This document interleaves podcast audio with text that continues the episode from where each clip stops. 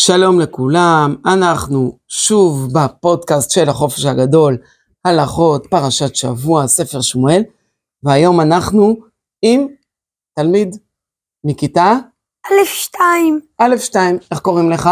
אריאל כהן. אריאל כהן. איזה כיף שאתה פה איתנו בפודקאסט. היום אנחנו נדבר על איסור שנאה. יש לנו מצווה של לאהוב את החבר ואהבת לרעך כמוך? יפה, ו... ויש גם מצווה לא לשנוא, לא תשנא את אחיך בלבביך. אפילו אדם שחבר שלו העליב אותו בצורה חמורה מאוד, אסור לו לשנוא אותו על זה שהוא העליב אותו. אולי יש לך סיפור בשבילנו על מישהו שאולי העליב אותך או מישהו אחר בכיתה? היה יום, כל יום שאני משחק עם הכיתה, יש ילד שאני מנסה להכניס גול, ואז הוא, וכשאני לא מצליח, הוא אומר לי הגרוע. יואו, ואתה ממש לא שמח שאומרים לך... נכון, גרוע. אבל אני לא שונא אותו. אתה לא שונא אותו, וואו. לא. אז אתה מקיים... פשוט אני מתעלם מזה. או. אתה בעצם אומר לנו, איך אני יכול לקיים את המצווה של לא לשנוא מישהו שבאמת פוגע בי, כמו שאתה אומר, שקורא לך גרוע.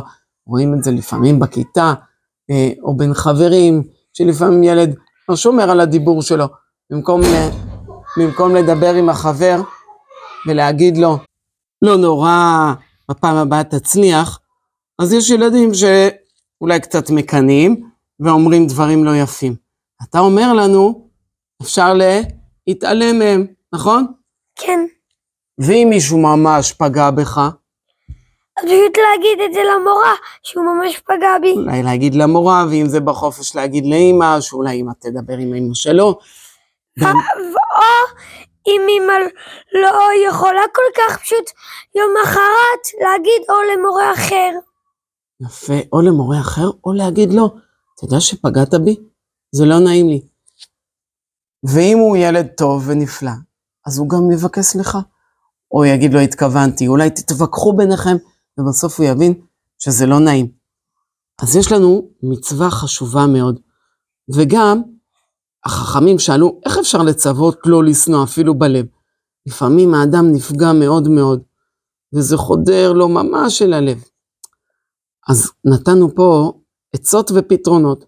אפשר להידבר, לדבר ביחד, לברר ביחד, ואז הלב גם נרגע. לבוא לחבר, להסביר לו איך הוא פגע בנו.